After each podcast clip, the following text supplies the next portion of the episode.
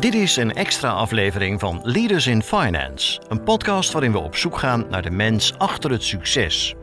We praten met leiders van nu en later over hun drijfveren, carrière en privéleven.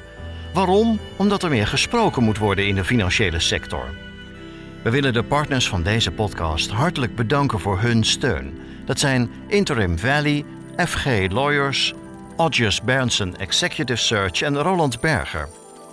In deze extra aflevering praten we met de schrijver van het boek Via Molly. Hij zat in de directie van dat bedrijf en beschrijft wat er gebeurde. Er zijn niet veel ondernemingen die eerst 100 miljoen waard zijn en waarmee daarna dit gebeurt. Een jaar later werd Molly, uh, haalde Molly nog een keer financiering op, werd het gewaardeerd op meer dan 1 miljard. Um, en negen maanden daarna uh, haalde ze nog een keer financiering op en werd het gewaardeerd op 5,4 miljard. Molly, de online betaalapp die enorm groeide. Onze gast maakte het verhaal van dichtbij mee als oud-directielid. Een heel eerlijk en direct boek waarin hij niet alleen vertelt wat er goed ging, maar ook de hobbels op de weg beschrijft. Als ondernemer heb je ook heel vaak het idee van ja, ik doe wat fout. Hè? Want iedereen doet het fantastisch, iedereen groeit waanzinnig en zo, maar ik heb allemaal problemen. In het boek vertelt hij ook hoe moeilijk het is om als financiële instelling de vinger te leggen op de financiering van terrorisme. Want het gaat daarbij meestal niet om groot geld. Als je ziet hoe laag de bedragen waren die gebruikt zijn door Syriëgangers, weet je, die hebben gewoon een paar duizend euro geleend bij studiefinanciering, dat contant opgenomen zijn vertrokken. Onze gast pleit daarom voor een nieuwe opzet van de speurtocht naar het geld voor terrorisme, samen met de overheid. Onze gast in deze extra aflevering is Remco Boer. Je gastheer is als altijd Jeroen Broekema. Welkom bij een extra aflevering van Leaders in Finance. Dit is dus geen reguliere aflevering waar we een leider in de financiële sector interviewen en we ons best doen om de mens achter het succes te leren kennen. Maar het is een extra aflevering over een specifiek onderwerp of een boek. En vandaag gaat het om dat laatste, een boek. Namelijk het boek Via Molly van voormalig directielid van Molly, Remco Boer. Welkom uh, Remco. Dankjewel. Leuk dat je er bent. Ik uh, neem maar even de vrijheid om eerst wat te zeggen over het boek vanuit mijn kant. Ik heb jouw boek met, uh, met zeer veel uh, interesse gelezen. Ik was er erg enthousiast over. Ik heb daar vier hoofdredenen voor genoteerd. Allereerst, het is prettig geschreven, leest makkelijk, helder gestructureerd. Het verveelde mij geen moment. Ten tweede, je bent heel open over werk, over privé, over de, de andere stakeholders. En je neemt er ook zeker geen blad voor de mond. Je durft dingen te zeggen. Dat is natuurlijk als lezer wel, wel leuk. En verder vond ik het leerzaam om te lezen hoe bepaalde dingen werken, een beetje vanuit achter de schermen bij zo'n start-up. Uh, waarbij trouwens voor mij heel veel dingen ontzettend herkenbaar waren uit mijn vorige, vorige werk. En tot slot, uh, als vierde reden, het is leuk om te zien hoe je reflecteert op jezelf, je eigen handelen, maar ook dat van de collega's en de organisatie als geheel. Dus overal heel positief over het boek. Dan kun je natuurlijk afvragen, heb ik ook kritische punten? Ja, tuurlijk heb ik altijd als ik iets, als ik iets lees. Bijvoorbeeld over de wijze waarop de toezichthouder wordt besproken. Maar goed, daar ga ik nog wel eens naar vragen ja. tijdens dit gesprek. Dus dat uh, zullen we nog verder bespreken. Maar wat mij betreft starten we eigenlijk met, uh, met wat context over jou en over Molly. En misschien leukst om bij jou te beginnen. Kan je iets vertellen over jouw achtergrond en hoe ben je in die financiële wereld terechtgekomen? Want je schrijft op de achterkant van het boek ook dat je een, een politicoloog en historicus bent die in de financiële wereld belanden. Ja. Dus dat vraagt ja. wel om wat, uh, wat uitleg. Nee, precies. Ik ben er eigenlijk bij, bij, ja, per toeval in, uh, in beland. Um, want ik had, um, ik had ooit international business gestudeerd uh, en dat vond ik helemaal niks. Ik haakte echt af op de, op de vakken accounting en corporate finance. Dat, dat sprak me totaal niet aan. Um, dus daarna ben ik overgestapt op uh, de studie politicologie. En dat vond ik fantastisch, fantastisch interessant. Uh, kasten vol met boeken gelezen, waanzinnig, uh, waanzinnig boeiende materie. Um, en ik wilde eigenlijk, eigenlijk gaan promoveren. Ik wilde, ik wilde boeken schrijven, ik wilde boeken lezen, ik wilde, ik wilde lesgeven, met, met, met interessante onderwerpen bezig zijn. Um, dus toen ben ik het voorbereidend traject op een promotietraject gaan doen aan de faculteit geschiedenis in, in Leiden. Maar toen kwam ik al vrij snel erachter dat die wereld wel heel, heel langzaam beweegt. Uh, en je bent vier jaar bezig met een proefschrift wat vervolgens ja, haast niemand leest. En dan moet je maar hopen dat je een plek op de universiteit krijgt. Um, ja, dus dat zag ik niet zitten. Uh, dus ik, ja, ik wist ook niet zeker wat ik, uh, wat ik verder in het leven moest. Dus toen ben ik maar een beetje gaan solliciteren op allerlei functies en banen die ik voorbij zag komen. En een van die functies was, was bij een consultancy gespecialiseerd in betalingsverkeer, InOP. Um, en die zochten mensen die, uh, die konden schrijven en lezen. Uh, want zij waren zelf voornamelijk uh, ingenieurs en, en, heel erg kwantitatief. Um, maar niet zo, niet zo heel sterk in schrijven en lezen. Um, nou, dat kon ik wel. Ik wist niks van betalen. Dat heb ik ook eerlijk gezegd tegen ze. Van nou, ik weet echt helemaal niks. maar geef me een proefschrift en ik, ik schrijf er een samenvatting over. Ehm, dus dat ben ik daar gaan doen. En, en toen is heel veel geleerd over betalingsverkeer. En op die manier toevalligerwijs die, die, die wereld ingerold. Dus het had ook zomaar een hele andere wereld kunnen zijn? Ja, ik heb toen ook gesolliciteerd bij, uh, bij KPN uh, en bij Europcar voor de autoverhuur en bij de Algemene Rekenkamer en zo. Dus als ik ergens anders aangenomen was, had het, uh, had het heel anders kunnen lopen. Nou, dat is wel grappig hoe ongelooflijk veel toeval een, een, rol speelt in die, in die keuze. Maar merkte je wel dat je erdoor gegrepen werd meteen? Ja, nou ja, ik, ik, werd, ik werd gegrepen ook wel door de, door de omgeving en door. Want ik zat nog in het, in het proces bij, bij KPN. Uh, en daar moest ik, moest ik twaalf stappen door en allemaal assessments en dingen en zo. Terwijl bij InOP, het was een klein, klein bedrijfje, uh, gelijk met de, met de eigenaar aan tafel, alles kon. Ik kon, ik kon twee weken later beginnen. Um, weet je, het was een dynamische wereld, eentje van, van vrijheid en van, uh, van ambitie. En dat sprak me ook heel erg aan. Ja, dat geeft een beetje context over, over jou. En over jouw boek, ik wijs er nu naar, kunnen mensen niet zien. Maar Molly, daar nog iets meer context over voor mensen die het niet kennen. Ja, nou, Molly was, uh, is een, um, een, een, een, verwerker of een, of een uh, aanbieder van online betaaldiensten. Eigenlijk moet je het zien als een, als een pinterminal, maar dan op internet. Dus op het moment dat je een winkelwagen gevuld hebt op een website en je drukt op betalen, dan komt Molly in actie. Dus die verzorgt eigenlijk de koppeling van alle betalingen op die website. Dus Ideal, creditcards, hè, wat, wat, wat er maar ook. met de banken en andere betaalverwerkers daarachter. Um, dus zij doen de technische integratie, maar zij doen ook de afhandeling van de gelden. Um, uh, zij zorgen eigenlijk dat de consument kan betalen en dat de winkelier zijn geld krijgt. Uh, en er zijn heel veel partijen die dat doen. Uh, toen, toen ik bij Molly startte, zeven jaar geleden, waren het in Nederland 40. en die boden eigenlijk allemaal min of meer hetzelfde product aan. Hè? Gewoon ideal en creditcard voor op je website. Dus zo onderscheidend was het allemaal, allemaal niet van elkaar. Maar wat Molly deed, is dat ze dat extreem eenvoudig maakte. Um, de technische integratie heel erg eenvoudig, de contracten heel erg eenvoudig uh, en alle processen eromheen ook uh, heel sterk vereenvoudigd. Um, en, dat, en dat vergeet je nog wel eens als je dus niet gezien hebt hoe het destijds was of hoe concurrenten werken. Want een heleboel mensen kennen het dus alleen Molly. Je denkt, ja, tuurlijk, weet je, klikken de klik en ben klaar.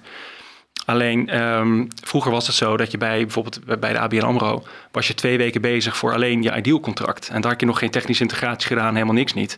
Terwijl bij Molly kon je binnen een kwartier kon je en je contract en je technische integratie en alles gedaan hebben en je eerste betaling ontvangen. Weet je, dat is even de mate van verschil die, uh, die, die, die, die Molly introduceerde in die sector. En toen jij er kwam was het nog heel klein. Ja. Uh, kan je nog een paar getallen noemen, even een paar in de loop der tijd, hè, waar, we, waar het toen stond en waar het nu staat? Ook zeg maar totdat jij er was, maar ook daarna nog? Ja, nou, um, Molly, is, Molly bestond al een jaar of zes, zeven toen ik, uh, toen ik bij Molly kwam. Um, uh, en en toen, ik, kwam werkten ongeveer tien mensen. Uh, ik geloof dat er 4000 klanten waren of iets. Um, uh, en toen ik vijf jaar later wegging, werkten er 200 mensen. we hadden ruim 100.000 klanten. Um, we werden toen gewaardeerd op naar ergens boven de 100 miljoen. een jaar later werd Molly, haalde Molly nog een keer financiering op, werd het gewaardeerd op meer dan 1 miljard.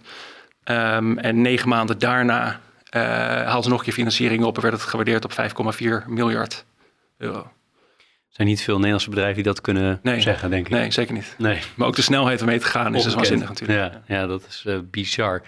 Hey, en het boek, hè? Hele simpele vraag, maar waarom dit boek? Ja, goeie, ja, goede vraag. Um, ik, ja, ik, heb, ik, heb, ik had eigenlijk al uh, heel snel toen ik bij Molly kwam, dat ik dacht van ja, dit is, dit is waanzinnig interessant. Weet je, dit bedrijf is zo anders. Um, denkt heel anders, doet, doet heel anders dan, dan de rest van de sector en een hoop andere ondernemingen. Uh, dit is heel erg interessant om dit verhaal te delen. Um, weet je, als het of falikant mislukt uh, of een waanzinnig succes wordt, uh, wil ik hier misschien wel wat over schrijven. Dus dat idee heb ik altijd in mijn hoofd gehad. Um, en toen we dus ook zo'n waanzinnig succes werden en dus ook een bekende naam werden in Nederland en in de hele e-commerce en financiële sector. Toen, toen, ja, toen ben ik er verder over na gaan denken. Ik dacht, ja, maar dit, dit, is wel, dit is wel echt, echt waanzinnig om hier, om hier zo over te schrijven. En, en dan niet alleen het succes, uh, want er zijn ontzettend veel succesverhalen. En waar ik me altijd aan, aan gestoord heb, is dat als je mensen vraagt in die start-up wereld en, en zo, ja, hoe gaat het? Ja, fantastisch, weet je, fantastisch jaar, we groeien hard, weet je, helemaal top. Maar je hoort nooit wat er achter de schermen gebeurt en hoe moeilijk zo'n proces is. Dus als ondernemer heb je ook heel vaak het idee van, ja, ik doe wat fout. Hè? Want iedereen doet het fantastisch, iedereen groeit waanzinnig en zo, maar ik heb allemaal problemen. Ja, maar dat hadden wij ook. Weet je? Um, dus, dus, ik vond het ook wel mooi om dan te laten zien van joh, er gaat ook een heleboel mis. En het is moeilijk. Het is ook gewoon hard werken. En je maakt ook verkeerde beslissingen. En, en, en, en, en, en soms word je ook gedwongen door omstandigheden om bepaalde dingen te doen. En dan moet je je aanpassen en enzovoort. En het is gewoon Het is gewoon een hoop, hoop en, en, en de gerommel. Ehm, maar dan kun je er nog steeds wel komen. Weet je, als de, als de essentie van je bedrijf en je product klopt en goed is. ehm, en, en, en dat de kracht van je onderneming is, dan kun je heel ver komen. En je zei van, ik had altijd wel het idee van hè, hoe dit ook gaat aflopen, dat ik iets ga opschrijven. Dat betekent dat ook dat je al aantekeningen maakte tijdens je Nou, werkzame dat, dat, heb ik te, dat heb ik te weinig gedaan. Had ik meer moeten doen. ik, heb, ik heb een enkele keer heb ik wat dingen genoteerd. Gewoon meer gedachten van ehm, dit of dat. Ehm, dat had ik misschien meer moeten doen. Maar anderzijds, je weet vaak achteraf ook pas wat belangrijk was. Hè? Want, want eh, op een gegeven moment ben je aan het schrijven en dan, en dan denk je terug. En dan zijn er zo ontzettend veel dingen die gebeurd zijn. Ehm, en dat zijn allemaal losse gebeurtenissen. En daar probeer je dan toch een soort lijn in te vinden. Weet je, een soort scatterplot waar je dan trendlijnen in probeert te trekken. Van, van dit, is het, dit is het verhaal en, en hier zit een stuk causaliteit in. En, en dan zie je toch dat bepaalde gebeurtenissen... die blijken toch niet relevant te zijn geweest voor de, voor de bigger picture. Eh, ondanks dat ze misschien wel interessant zijn om te, om te noemen bijvoorbeeld. Ehm, ja, dus sommige van die dingen die vallen dan ook af. Dus je, ik heb ook, ook alinea's geschreven over allerlei dingen die het gewoon niet gehaald hebben, omdat ze eigenlijk niks bijdragen aan het, aan het totaalplaatje. Want heb je wel eens overwogen om het helemaal in het Engels te schrijven meteen? Ja, ik ben begonnen in het Engels. Eh, ik schrijf zelf ook liever in het Engels. Eh, dus ik, eh, daar was ik mee begonnen. Maar het was zo'n ontzettend Nederlands thema. Ehm, eh, het was in de periode dat ik bij Molly zat nog heel erg een Nederlands bedrijf. Dat pas eigenlijk het laatste jaar dat ik er was, is dat veranderd. En nu is Molly ontzettend internationaal, hè, met weet je, Engels sprekend en eh, in een heleboel landen actief. Maar het was, het was heel lang was het een heel Nederlands bedrijf met hele Nederlandse thematiek. eh, over Ideal, over de Nederlandse toezichthouders eh, enzovoort. Dat ik het, ik, het voelde heel onnatuurlijk om het in Engels op te schrijven. Ja, nee, dat, eh, dat snap ik. Nou, wie weet. Ehm, en uiteindelijk, wie, wie, voor wie is het, denk jij, eh, interessant? In de zin van, welke doelgroep had jij in je hoofd toen je het ging schrijven? Ja, Ehm, nou, ik, ik wilde wel iets schrijven voor een bredere doelgroep. Eh, dat, daar heb ik ook wel over nagedacht voordat ik begon met schrijven. Ehm, want ik, ik ben zelf iemand heel erg van de, van de inhoud. Dus ik had heel graag willen uitleggen wat het nou exact was eh, in, in ons product, wat ons succesvol maakte. Want dat zit hem in hele kleine dingen. Maar dan moet je zo ontzettend veel kennis hebben van hoe betalingsverkeer werkt en in elkaar zit. Eh, en dat vergt veel te veel uitleg. Dus ik dacht van ja, dat, dat gaat niet werken. En dat vinden misschien drie mensen interessant. Maar dat, daar ga ik geen boek eh, voor schrijven. Weet je, dat... Dus ik dacht van ja, nee, het, het, het, interessante is eigenlijk veel meer het bredere verhaal. Ehm, en dan ook nog niet eens het succesverhaal, maar ook eh, mijn verhaal daarvan, hoe ik het, ik het ervaren heb. wat, wat ja, mijn, mijn, mijn perspectief ervan. Dus ik had ook al heel snel dat ik dacht van oké, ik ga geen objectieve studie van Molly schrijven. Dat, dat kan ik denk ik niet. Dat moet denk ik iemand anders doen. Hey, ik heb het meegemaakt, ik ben partij erin geweest, ik heb er een mening over, een bepaalde visie over. Dus ik, ik zou dat niet goed kunnen schrijven, een objectieve studie van Molly. Ja, helder. En één ding waar ik heel nieuwsgierig naar ben, is als je nou heel eerlijk bent, heb je het nou primair geschreven voor jezelf? Heb je het primair geschreven voor de, de lezer of zit het tussenin? Ja, het, het zit er tussenin. Ik heb, ehm, ik heb, ik heb een heel groot stuk ook, ja, eh, eh, ook, ook voor, voor mezelf te, te- te- voor mezelf ook te beantwoorden van, joh, wat hebben we nou goed gedaan en wat hebben we niet goed gedaan. Want als je er middenin zit, dan, dan raak, nou, ik raakte in ieder geval heel erg gefrustreerd over bepaalde dingen die niet liepen of die niet goed gingen. En ik had altijd het idee dat we achter de feiten aanliepen en dat eh, bepaalde dossiers, dat we die onvoldoende oppakten. Eh, terwijl we wel enorm succes boekten. Ehm, dus ik vond het voor mezelf ook heel belangrijk om te begrijpen van ja, waar zit dat succes dan in? En wat hebben we dan goed gedaan? En wat is daar de gemene deler in? En hoe komt het dat die dingen die in mijn beleving niet goed gingen, blijkbaar niet zo heel erg uitgemaakt hebben op de lange termijn? Dus, dus dat vond ik wel een hele belangrijke vraag om te beantwoorden voor mezelf. Ehm, maar daarmee denk ik ook wel voor, voor anderen, eh, voor andere ondernemers die met, met vergelijkbare problematiek kampen. Ja, nou, dat is mooi. Dat is mooi verwoord. Je begint al vrij snel in het boek, en ik noemde het al even in de inleiding, eh, heb je een, een verhaal. En toen werd ik meteen helemaal gegrepen over het bezoek van, geloof, ik weet niet hoe je precies zegt, maar de, de mannen van DNB. Ik weet niet Ja. of het allemaal mannen waren, Ja, maar ja, de mensen, wel, de mannen van DNB. Ehm, en dat vond ik natuurlijk wel boeiend. Want eh, dat, dat beschrijf je echt als, eh, nou ja, als een soort grilling. Ja. En eh, ook met eh, vooropgezette psychologische eh, spellen daarbij, of hoe je, hoe je het wil verwoorden. Ehm, was het nou echt zo? Ja, ja nee, absoluut. Ehm, ehm, maar dat, dat is ook interessant. Ik heb dat ook bewust wel, wel op die manier heel duidelijk opgeschreven van, van hoe DNB was in die beginjaren bij Molly. Omdat daar op een gegeven moment een, kentering in gekomen is. Eh, en, en die kentering van DNB is heel erg belangrijk geweest voor, voor Molly en eh, de ontwikkeling van Molly. Ehm, want aanvankelijk was DNB ontzettend sceptisch over de hele fintech-sector. En, en, en eigenlijk alles wat ehm, innovatief en efficiënt deed met, met betalingsverkeer en financiële diensten. Dat, dat zagen zij als een inherent groot risico. Want we deden het anders. We deden het snel. We hadden geen papieren dossiers. Ehm, we, we, we, we, sloten klanten online aan zonder ze fysiek te zien. Ja, dat, dat kan toch niet? Weet je? Dat is een inherent risico. Dus hè, gij zult allemaal dit en dat doen. Um, en, en dat is op een gegeven moment veranderd. En daar hebben wij dus ook een, wel als Molly meegedaan in, in het lobbyproces richting politiek. Uh, om daar verandering in te krijgen. Ik ben zelf ook in de Kamer geweest toen. Uh, samen met Holland Fintech, de branche, branchevereniging. Zeg maar. Om, om te praten met de politiek en uit te leggen van joh, weet je, die, die, die regelgeving en die zienswijze van DNB, die blokkeert innovatie. en, dat, en dat kan eigenlijk niet en het is onterecht. En, en toen is er wel een kentering gekomen in de manier waarop DNB um, naar de sector is gaan kijken. Um, dus die zijn heel anders gaan optreden naar, uh, naar ons toe. Oké, dus het is heel anders geworden, maar is dat vanuit jouw perspectief gekomen door de politiek, door partijen zoals jullie, of vanuit hen zelf? Of hoe is die verandering nee, tot stand gekomen? Ik denk niet dat dat vanuit DNB zelf gekomen is. Uh, ik denk dat het, dat, dat het uh, komt vanuit de hele financiële sector. Want er waren een aantal gevallen waar, ze, waar de sector wel het idee had dat ze te ver gegaan zijn. Bijvoorbeeld een, een uh, directielid van Deltaloid werd, uh, werd weggestuurd door DNB. omdat hij een aantal besluiten had genomen waar ze niet mee eens waren. Ik, ik, kan me even niet herinneren wat er precies gebeurd was. Maar daar was toen op een gegeven moment heel veel over te doen in de media. Van joh, gaat DNB daar niet, niet te ver? Gaan ze niet een boekje te buiten? Um, maar anderzijds, DNB die volgde ook alleen maar de instructies op van, van de politiek. Want die hadden vanuit de financiële crisis, hadden ze er van langs gekregen van de politiek, dat ze een veel te innige relatie hadden met de financiële sector. Ze gingen kopjes thee drinken bij de, bij de banken. Ja, dat kon niet. Ze moesten toezicht houden. Ze moesten die banken afstraffen, want die hadden allemaal slechte producten geleverd aan de consument.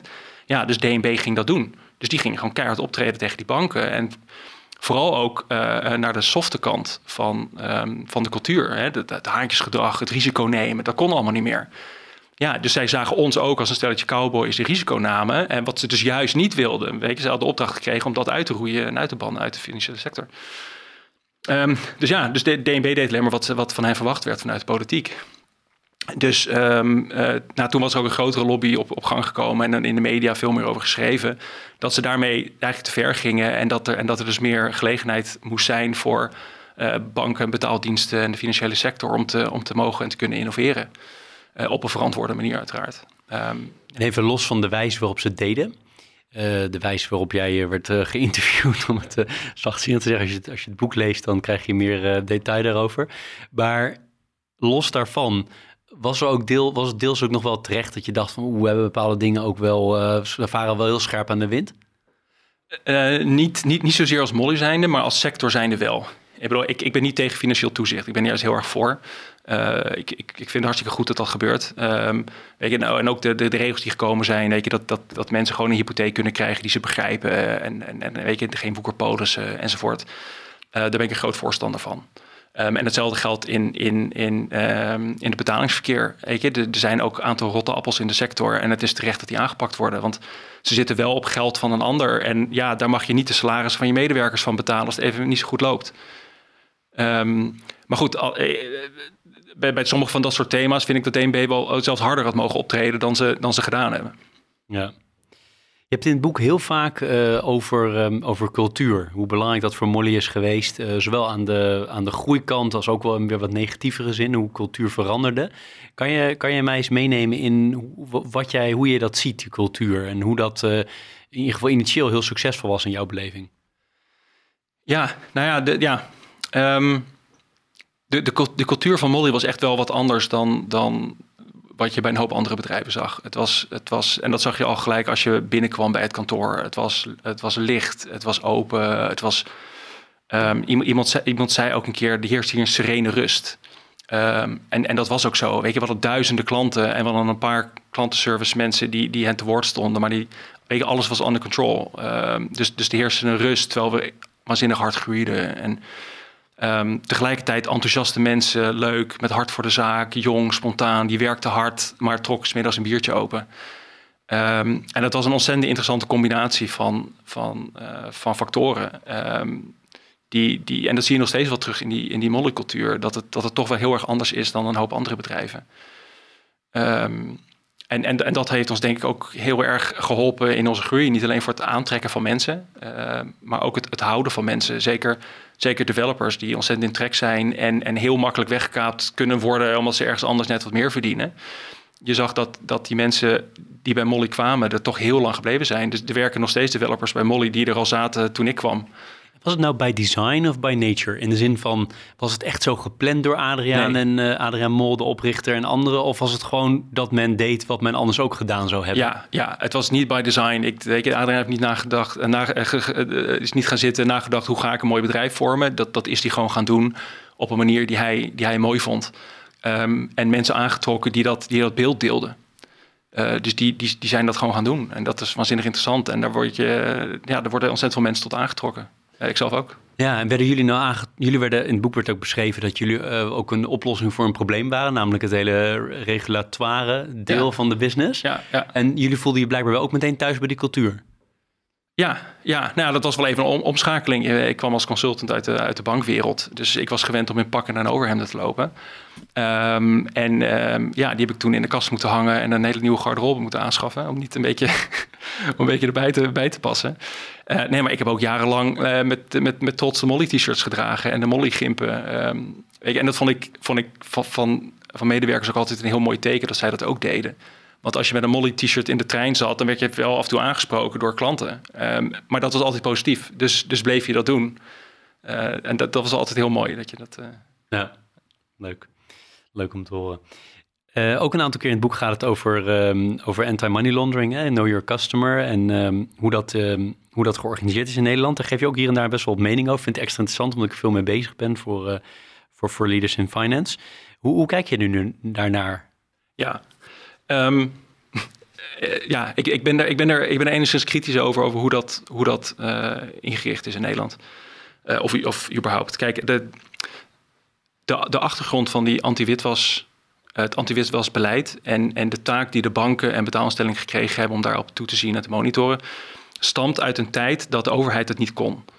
Um, weet je, in de jaren tachtig had je drugshandel, uh, weet je, en ik heb die voorbeelden ook gehoord van oud-bankmedewerkers. Dat gewoon op de bankkantoor in Amsterdam sporttassen overhandigd werden. En volgens op de, op de, uh, dat cash op de rekening gestort werd.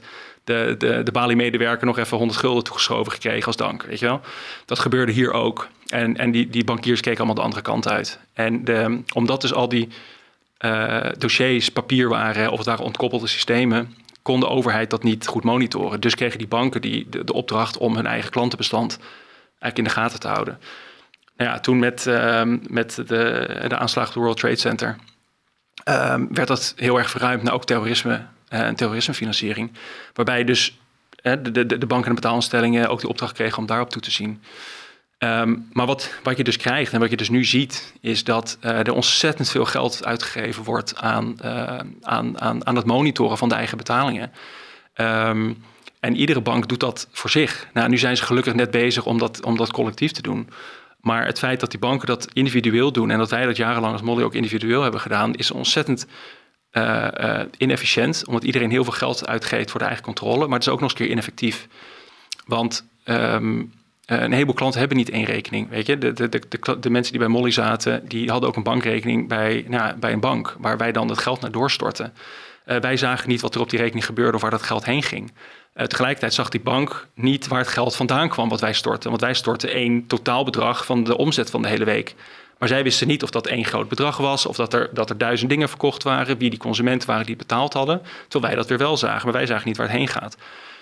Dus het, het zou veel beter zijn om als sector dat collectief te doen, zodat je het van, van, van begin tot eind kunt. Bedoel je collectief uh, de private sector als geheel of uh, dat de overheid het doet? Nou ja, misschien is de overheid nog beter, want het, het probleem, uh, het, het bijkomend probleem ook nog is dat, dat het echt een beetje zoeken is naar, naar, naar een speld in een berg spelden, zoals ik ook, ook schrijf. niet eens een speld in Hooiberg. Um, omdat je gewoon niet weet waar je naar kijkt. Uh, witwassen gaat vaak om grote bedragen. Dus dat is, dat is wat makkelijker. Omdat je dan niet al die kleine bedragen hoeft te bekijken. Je kijkt gewoon die grote. Maar terrorismefinanciering niet. Als je ziet hoe laag de bedragen waren die gebruikt zijn door Syriëgangers. Weet je, die hebben gewoon een paar duizend euro geleend bij studiefinanciering. Dat contant opgenomen zijn vertrokken. Als je al die betalingen moet gaan monitoren. Het is ontzettend moeilijk om daar, om daar dat terrorismefinanciering uit te pikken. Ehm, en je hebt alleen maar wat sanctielijsten om vanuit te gaan. En voor de rest weet je vaak helemaal niet of iemand verdacht is of niet. Terwijl de overheid weet dat wel. Maar die informatie kunnen ze niet delen met ons.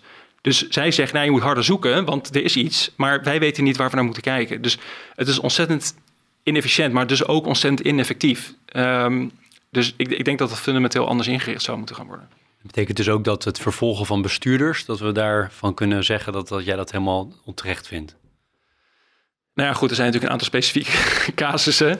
Ik, ik, denk dat we ook voor een deel nu een schijnveiligheid aan het creëren zijn met elkaar. En dat we een checklist aan het afhandelen zijn van ja, we hebben due diligence, ja, we hebben een document opgesteld. Maar het is zo makkelijk te omzeilen. Dus het is voor een deel ook een wassen neus. En, maar er werken duizenden mensen werken daarin. Er worden, worden miljoenen, honderden miljoenen aan uitgegeven.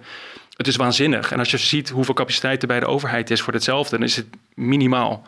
Als die capaciteit naar, bij de overheid neergelegd zou worden om echt gericht te gaan zoeken, dan zouden we veel effectiever volgens mij die witwas- en terrorismefinanciering kunnen bestrijden. Interessante kijk op de zaak. Um, heel ander onderwerp, toch ook wel heel, heel boeiend, vind ik. En dat is de verhouding tussen jou uh, en um, Adriaan Mol, de oprichter van, uh, van Molly.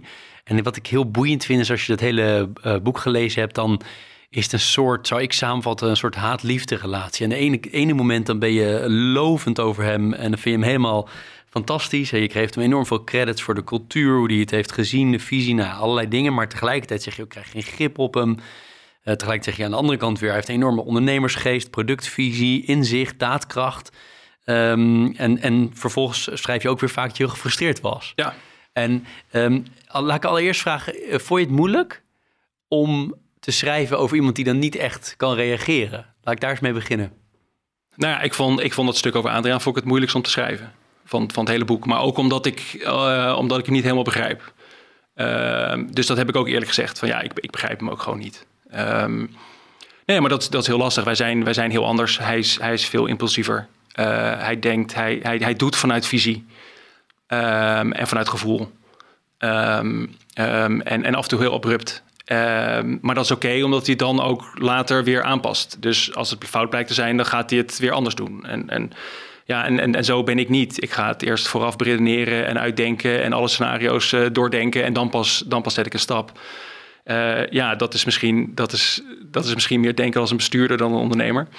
Um, maar wat ik dus wel, wel mooi vind, is dat het dat, dat, dat we in dat opzicht wel complementair waren. En, en ik vind het dus ook wel mooi dat Adriaan een hoop dossiers los heeft kunnen laten. Dat hij dus zelf ook inziet dat hij gewoon niet goed is in een aantal dingen. Bijvoorbeeld hè, de compliance, de finance, uh, de HR, uh, de dagelijkse leiding van een onderneming. Weet je, dat is, dat is gewoon niet zijn sterke kant. En dat, dat, dat, hij op een gegeven moment wel goed door dat dat, dat niet bij hem past. Uh, en dat hij dat soort dingen veel beter kan overlaten aan anderen. Um, en hij kan heel goed dingen delegeren aan anderen. Ook op, ook op andere vlakken. Weet je, ook het bijvoorbeeld het, technisch development, waar hij zelf heel veel bij betrokken was in het begin, dat heeft hij ook weet je, hele grote delen daarvan gewoon overgedragen aan andere mensen en, en ze dat toevertrouwd. Um, en dat vind ik, vind ik eigenlijk een hele goede eigenschap, want daardoor kon hij zich veel meer richten op de dingen waar hij wel goed in was en die alleen hij misschien kon doen. En waar hij dus echt de waarde toevoegde, in plaats van dat hij ook allemaal vergaderingen ging zitten voorzitten of zo. Weet je, dat, dat is helemaal niet zijn kracht en dat moet je ook en, doen. En los van zeg maar, persoonlijke verschillen, hè, tussen misschien een meer bestuurlijke rationele benadering, een meer gevoelsmatige ondernemersbenadering of ja. hoe je het ook wil neerzetten. Is het niet ook zo dat inherent er een bepaalde strijd is? Want ik kan me voorstellen, als jij eindverantwoordelijk bent voor, voor compliance en risk. Ja. En je hebt te maken met een toezichthouder die je er ook nog gewoon eruit kan gooien. Ja. Want je moet ook gewoon getest, getoetst worden. En, uh, um, en aan de andere kant een ondernemer die gewoon uh, de eigen visie erop nauwt. En eigenlijk denkt die regulators meer een hobbel dan, uh, hè, dan dat we er iets mee, mee, mee, kunnen. Is het niet sowieso een, een, altijd een recept voor strijd? Ja, nou maar zeker op het compliance domein. Want op het compliance domein moet je vaak zeggen dat iets niet kan. Uh, terwijl de business wel altijd juist door. Ja, natuurlijk kan deze klant wel, waarom niet? Weet je wel? En dan moet je als compliance zeggen, ja nee, dat kan toch niet, of dit niet, of dat niet. Um, nee, maar ook daar, ook daar hadden wij het mandaat om, om, om daar gewoon ergens een streep te trekken en te zeggen van oké, dit gaan we niet, dit gaan we niet doen en dit willen we niet. Uh, maar dat heeft Adriaan ook heel goed begrepen. Die besefte dat wij afhankelijk waren van die vergunning en, de, en uiteindelijk de goedkeuring van een DNB. En, en dat wij binnen een kader, wat we dan zelf bepaald hebben, dat we daar vrij in konden opereren en dat er grenzen aan dat kader zaten. Uh, nee, maar dat, ook dat heeft hij losgelaten. Dat, dat, ik, daar hebben we gewoon goed over gesproken een aantal keer. En, natuurlijk af en toe prikt hij die wel van... joh, wat als we nou niet doen? Wat als we nou hè, dit of dat? En dan... Maar goed, um, mijn insteek van compliance was ook niet dat dingen niet mogen. Het is meer van, oké, maar hoe kun je het wel doen binnen de gestelde kaders? Uh, ik denk dat dat ook een veel gezondere benadering van compliance is. En dat hebben wij altijd geprobeerd, geprobeerd te doen. Ja.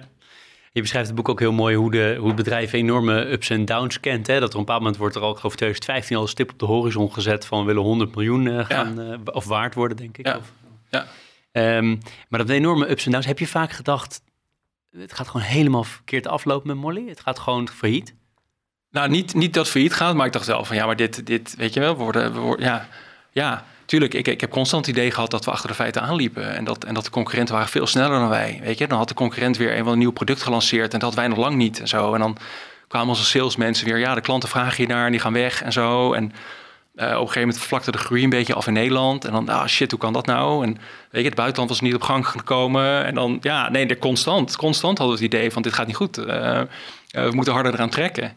Uh, en dan haalde je wel weer die 100% groei. En ik, oh ja, maar dit jaar hebben we hem gehaald. Maar hoe gaan we volgend jaar in godsnaam halen? Weet je, waar moet die groei vandaan komen dan? Ja. um, ja, maar ik, ik, denk dat dat op zich wel een gezonde benadering is natuurlijk. Hè? Dat je dat houdt je scherp en alert.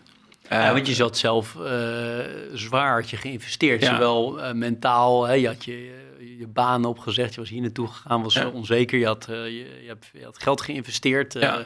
Geleend geld begreep ik zelfs van nog, familie. Dus er zat enorme druk op, ook, voor, ook om het een succes te maken voor jou. Ja, ja, nee, absoluut. absoluut.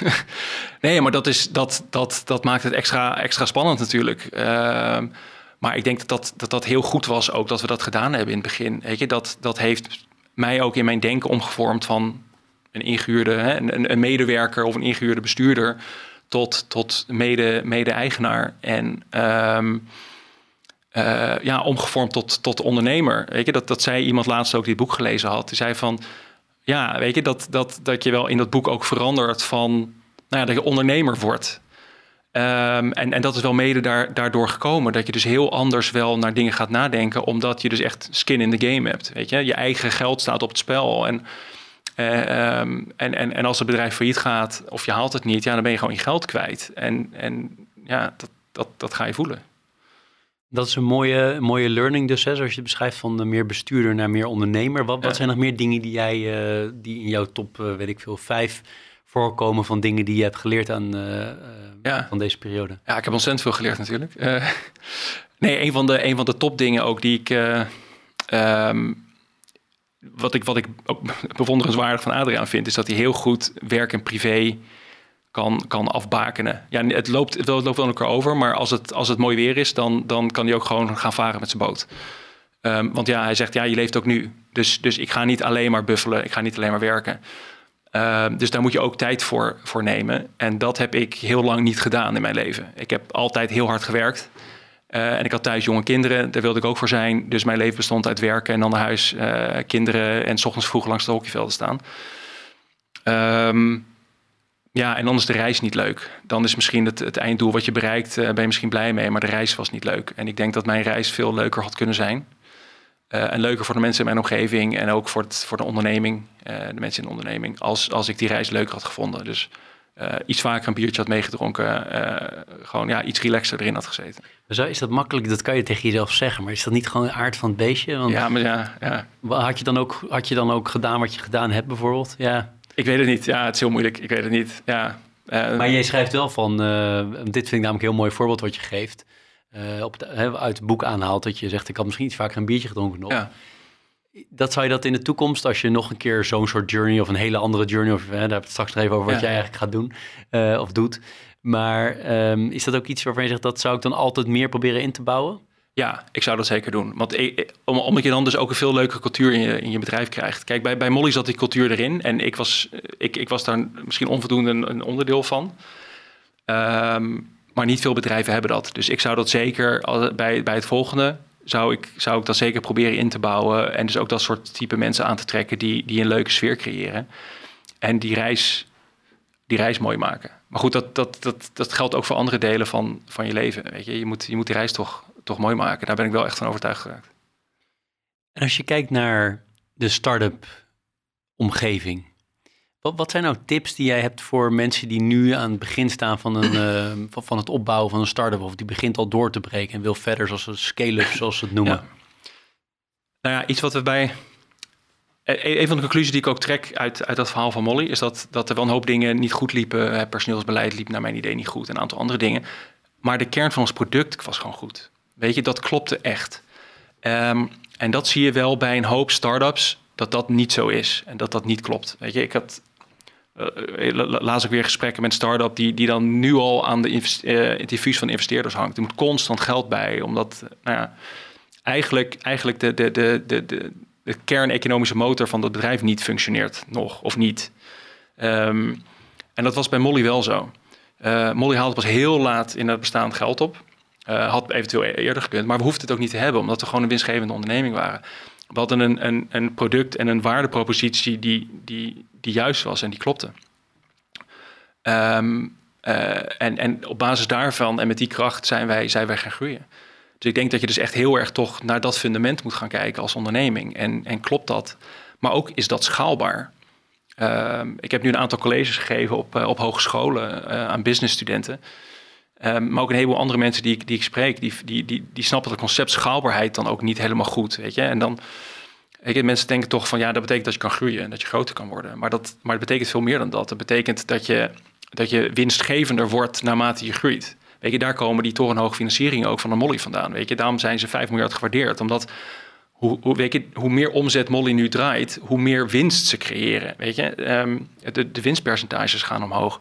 En dat komt omdat ze één machine hebben neergezet, de geoliede machine. En hoe meer, meer volume daar doorheen gepompt wordt, uh, hoe, hoe winstgevender wordt. Want die kosten zijn vast en, en, en die winst schiet de pan uit. Maar dat heb je dus niet bij heel veel, winst, uh, bij heel veel bedrijfsmodellen. Uh, dus daar moet je denk ik wel echt heel erg naar op zoek gaan. En, maar goed, bij, bij Molly was dat, we hebben dat ook niet opgetekend vanaf dag één. En dat we dat hadden, dat, dat beschrijf ik ook in het boek, hoe die puzzelstukjes op hun plek vielen, mede gedwongen door omstandigheden. Maar ik zie dat zelf voor me als een soort 3D-puzzel die ineens in elkaar klikt. Dat we dus en de technische kant en de juridische kant en de compliance kant en, um, en alle verschillende facetten hadden we ineens op orde. Uh, en de prijs was juist en de klantgroep was, bleek underserved te zijn en heel enthousiast voor ons product. Ja, en toen ging het ineens hard. Toen gingen we 100% groeien jaar op jaar. Gewoon puur op basis van de kracht van het product. Dus toch start bij het product om dat heel goed te maken. Ja. ja. Iets anders waar ik nieuwsgierig naar ben is uh, Artgen. Ja. Het andere grote succesverhaal naast, uh, naast Molly. Um, hoe keken jullie daarnaar intern? Was dat de grote broer of was het altijd een beetje gelijk, uh, gelijk optrekken? Kenden, kenden de ondernemers elkaar goed? Hoe moet ik dat nee, zien? Nee, nee, nee. Adyen was toch... Uh, ja, die doet, Adyen doet in essentie hetzelfde wat Molly doet. Ook betaaldiensten. Alleen dat hebben ze altijd uh, in een heel ander deel van de markt gedaan. Adyen ging gelijk voor de grote internationale namen. Ging gelijk voor de grote creditcardstromen. Um, um, dus terwijl Molly dus veel meer voor het, voor het lokale MKB ging. Dus we zaten helemaal niet in elkaars vaarwater. Weet je, onze klanten die, die pasten niet bij Agen. Uh, de Agen-klanten pasten niet bij Molly. Uh, Agen was bezig in Amerika en in Brazilië en ik weet niet wat ze allemaal doen waren. En wij waren bezig in Nederland en België en Duitsland. En, um, en voor een hele andere, hele andere Er was helemaal geen contact, er werd geen personeel van elkaar gekaapt. Er werd ook nooit over nagedacht, kunnen we een keer samen gaan? Al dat soort dingen speelden niet. Nee, nee, nee. Dus ja, er zijn wel mensen die, die overgegaan zijn van het een naar het ander. Uh, maar dat is ook niet veel gebeurd. Uh, nee. Dat is eigenlijk grappig, want in, in essentie, ik bedoel, ik weet helemaal heel weinig van betalingsverkeer, maar in essentie is het gewoon een andere klantgroep toch vooral? Ja. Niet ja. per se een heel ander product. Nee, nee, het is een andere, andere klantgroep, maar daardoor um, wel iets ander product. Kijk, waar, waar Molly de standaard, de standaard dienst levert die voor 80% van de MKB geschikt is, uh, levert Adyen een veel complexer product wat geschikt is voor heel internationaal opererende partijen. Uh, die in 20, 30, 100 landen actief zijn, heel veel valuta's hebben, Japanse dingen moeten doen, Chinese dingen moeten doen enzovoort. Uh, en daar ook veel meer maatwerk en zo voor, voor leveren. Um, uh, maar goed, met z'n tweeën dek je wel de hele markt af eigenlijk. Ja, want is het toevallig dat er twee van zulke grote spelers uit Nederland komen? Ja, dat is, ja, ja, ik denk dat het ja, ik denk dat het toeval is. Ik weet het niet. Dat is een goede vraag. Ik weet het niet. Ja, of, de, of, de, of de draai van de, van de toezichthouder zou jij kunnen zeggen, zoals je in het begin zei. De andere landen misschien die mogelijk was om die reden. Ik weet het niet. Nee, nee, ik durf het niet te zeggen. Maar het is, wel, het is wel toevallig dat het inderdaad twee grote Nederlandse namen zijn die dat doen. Maar, klein land ook, ik bedoel. Ja, maar wij lopen in Nederland ook heel erg voor op dit vlak hè, van, van betalingsverkeer. Dat, dat besef je pas als je naar het buitenland gaat en, en ziet hoe het in de, ons omringende landen geregeld is. Weet je, dat, dat, dat had ik in België al, maar ook Duitsland. Weet je, we lopen jaren voor op die, op die landen. Um, dus ik denk dat wij toch een voorsprong hadden met, met de efficiëntieslagen die we in Nederland gemaakt hadden. Uh, je ziet ook wel dat een heleboel Amerikaanse partijen Nederland gebruiken als een soort proef, proeftuin. Uh, weet je, nog niet naar de grote landen als Engeland en Duitsland, maar soms in Nederland alvast. Weet je, want we hebben een geavanceerde uh, markt en een, uh, hoe nemen we dat, capabele labor force. dus hier kun je heel mooi beginnen en, en kijken of je product goed, goed werkt. Je beschrijft in het boek dat, je, dat jullie best wel toeleefden naar bepaalde waarderingen. Dat jij ook zelf, zowel zakelijk als privé, er echt aan toe was om eruit te stappen. Het was voor jou het juiste moment, waarschijnlijk al eerder. Maar in ieder geval, toen je er, eruit kon, toen was het ook eigenlijk snel gepiept. Hè? Ja. Um, uiteindelijk, het was een heel lang traject daar naartoe. Maar toen het moment daar was, was je ook snel weg. Denk je toch nog wel eens van, uh, uit financieel oogpunt, het is nu 5, zoveel miljard uh, waarderingen. Was ik toch maar een paar jaar langer gebleven? Nee, nee ik ben er niet uh, slechter door geworden hoor. Dus dat, Nee, want je bent geen eigenaar meer, toch? Wel? Mag voor, ik toch niet vragen? Nou, dan, ja, dan, dan, mag je... Nee, voor, voor, een minim, voor een minimum stukje. Oké, dus je bent nog een beetje, toch nog... Um, een beetje. ja, nou, leuk. Um, richting de afronding uh, werkende um, uh, had ik één detailvraag, waar ik toch even door getriggerd werd. dat klinkt misschien een beetje verkeerd, maar um, je zegt op een bepaald moment in het boek dat jij, jouw inschatting is dat één op de vijf ideal betalingen in Nederland of voor porno of voor gokken ja. zijn. Is dat echt, is het zo extreem? Ik, nou, ik denk dat het nu door die, door die enorme toename van volumes door, door corona dat het iets minder zal zijn. Um, maar wel iets die richting uit. Ja, nee, maar het is, extreem. Het is extreem. Het is ontzettend veel. Ik kan je niet niks bij voorstellen. ja. Nee, ons, ontzettend veel. En het, het interessante is dat er dus haast niet over gesproken wordt. Nee, ja, nou ja, dat, dat snap ik, dat kan ik nog wel een beetje verklaren. Maar... nee, maar, het is, maar, maar dat is wel het, het, het, uh, het, wat ik dus ook zelf ontdekte aan die sector. Is hoe belangrijk uh, porno en gokken is voor die hele sector. Um, want daar wordt ontzettend veel winst, wordt ontzettend veel winst op gemaakt. Um, en, en daar zie je dus ook gelijk wat, uh, of, of, dat verklaart ook eigenlijk waardoor een heleboel van die concurrenten van Molly zo inefficiënt waren. Want die, die maakten dus een heleboel winst op die gok- en die porno-klanten. Daar verdienden ze hun geld. En dan hadden ze nog een beetje het MKB en de andere detailhandel gewoon erbij. Um, maar ja, ze hoefden niet efficiënt te zijn, want ze verdienden genoeg met, met porno en gokken. Um, en, en die industrieën maken zulke waanzinnige marges. Dat is ook Over hele schaling gesproken. Dat is nou wel een schaalbaar product. Dat is een, dat is een schaalbaar product, weet je. En, en zeker, weet je, maar hun, hun tarieven lagen ook zo hoog voor die sectoren.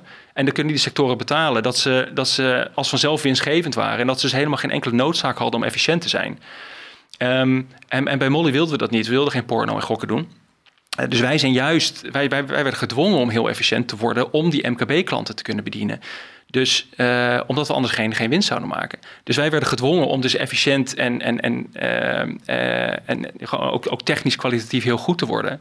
Waar de andere concurrenten dat niet, niet deden. Nee, bizarre, bizarre feit wat ik echt nog nooit had kunnen bedenken dat dat zo zou, zo zou ja. zijn. Ik ben ook heel erg nieuwsgierig naar jou. Want je bent toen, toen moet je zo even specifieren wanneer je exact bent weggegaan. Dat weet ik niet meer uit mijn hoofd.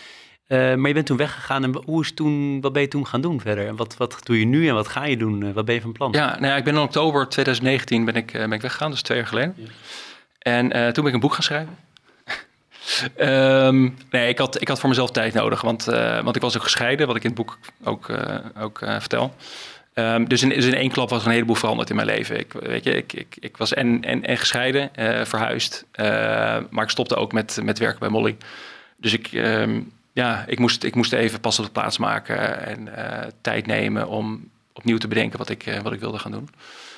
Um, ja, en ik, uh, dat, ik, heb boek geschreven, wat, wat hartstikke leuk was, heel erg leerzaam was. Um, en zelf ben ik nu bezig met investeringen doen in, in kleine ondernemingen. het lijkt me hartstikke leuk om opnieuw weer iets op te bouwen en daarbij te helpen. Um, dus, dus dat, dat, dat doe ik nu met een, uh, met een aantal kleine ondernemingen en uh, kijken of we weer iets heel moois kunnen neerzetten. Is het dan weer in de financiële sector ook waar je interesse naar uitgaat of kan het veel breder zijn? Nou, het, het kan veel breder zijn. Uh, ik heb ook wel een aantal dingen gesproken die, die in de financiële sector zitten. maar het betalingsverkeer is denk ik heel moeilijk om daar nu nog als kleine start-up in te beginnen. Ja, kan wel, er zijn er genoeg die het, die het proberen. Maar ik ben ook heel erg aan het kijken naar andere sectoren. ja, weet je, kijk, de, de, de essentie de essentie maakt niet, in de essentie maakt het niet zoveel uit welke sector je zit. Weet je, als je het product goed kunt vormgeven en dat kun je goed schalen, dan kan het ook in een hele andere sector zitten. Oké, okay, maar het klinkt dus wel niet puur investeren. Je wil ook zelf wel echt weer onderdeel zijn van een bepaald bedrijf. Ja, ja, ik zou het, ik zou het leuk vinden om, um, om zo'n reis nog een keer mee te maken. Dus inderdaad weer onderdeel te zijn van een bedrijf en weer iets heel moois op te bouwen. Uh, wat je zelf gedaan hebt. Kijk, je kan, ja, je kan ook als, als geldschieter gaan fungeren, maar dat, dat, vind ik gewoon, dat vind ik minder interessant. Dus niet ergens in loondienst? Nou, nee, dat zeker niet. Dat zeker niet. Daar ben je. Oké, dat is nou een helder antwoord. Dat is heel, duidelijk. Daar hoeven mensen hier niet voor te vragen. Nee. Naar aanleiding van dit interview. Nee. dat, uh, dat is wel, wel, wel, wel mooi. In ieder geval mooi, heel duidelijk. Ja. Uh, tot slot, heb jij nog iets waarvan je zegt, uh, Jeroen, naar aanleiding van het boek of anderszins, ik vind het jammer dat je het niet hebt gevraagd, of dat wil ik toch nog eens benadrukken, ehm, voordat we afronden?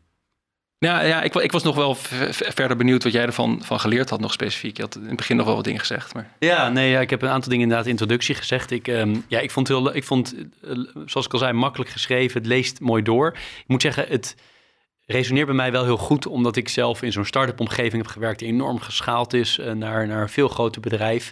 Uh, dus, en ook met investeerders erbij en al, dus die, al die dingen. En ook de, de, de relatie met de toezichthouder, de relatie met, met andere uh, partijen. Ook het kleinbedrijf resoneert bij mij. Dus ik moet wel zeggen, voor mij is het extra leuk denk ik om te lezen. Omdat al die dingen die jij beschrijft terugkwamen in de tijd dat ik uh, bij mijn vorige werk werkte. Dus dat vond ik leuk. En ik vind het bovenal leuk als mensen gewoon ook eer, eerlijk zijn over dingen die niet goed gaan. Ik, ik weet natuurlijk niet wat jij niet hebt opgeschreven. en ik hoor ook alleen, ik lees alleen maar jouw kant van het verhaal Molly. Dat zeg je ook heel duidelijk in, ja. uh, als een soort disclaimer op het einde van dit is mijn kijk op de zaak. Maar ik vind het wel leuk dat er ook hele eerlijke dingen in staan die denk ik veel mensen niet zouden hebben opgeschreven. Um, dus dat, uh, ja, nee, ik vond het leuk. Ik zou het mensen zeker uh, aanraden. Zeker als je in de fintech space werkt, is denk ik extra boeiend. Ja, nou, ik, vond, ik vond die eerlijkheid wel belangrijk. Ik, ik wilde dus niet een jubelverhaal schrijven over hoe fantastisch wij waren en onszelf op de borst kloppen. Um, ik denk dat, dat dat niet interessant is. Uh, ik denk dat genoeg anderen dat doen. Um, ja, ik was wat dat betreft ook wel, wel geïnspireerd door een boek wat ik gelezen heb van um, Michael Knight, de oprichter van, uh, van Nike. Shoe Dog. Uh, Shoe Dog.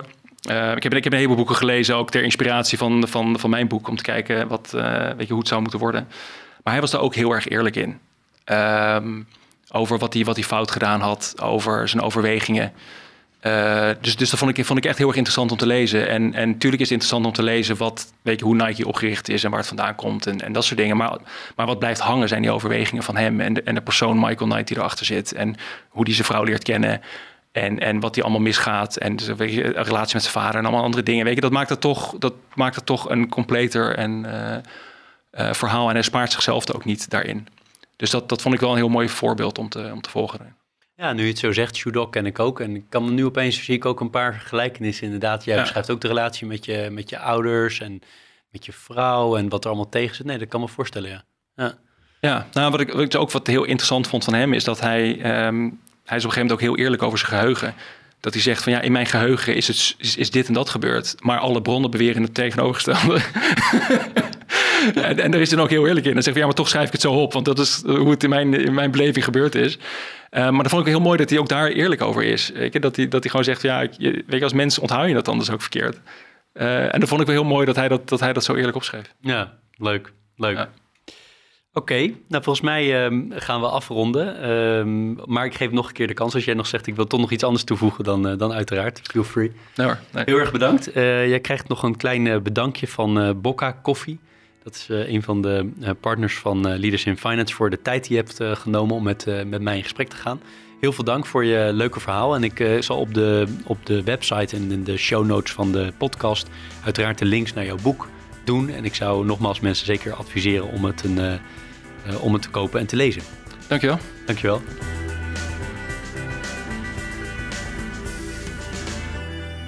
Dit was Leaders in Finance. We hopen dat je deze aflevering met veel plezier hebt beluisterd. We stellen je feedback erg op prijs. Wat houdt je bezig en over wie wil je meer horen? Laat het weten via een Apple of Google review. Dat kan ook via de sociale media kanalen of direct via een e-mail. We kunnen het enorm waarderen als je dat doet. Tot slot danken we onze partners voor hun steun. Dat zijn Interim Valley, FG Lawyers, Odgers Berndsen Executive Search en Roland Berger.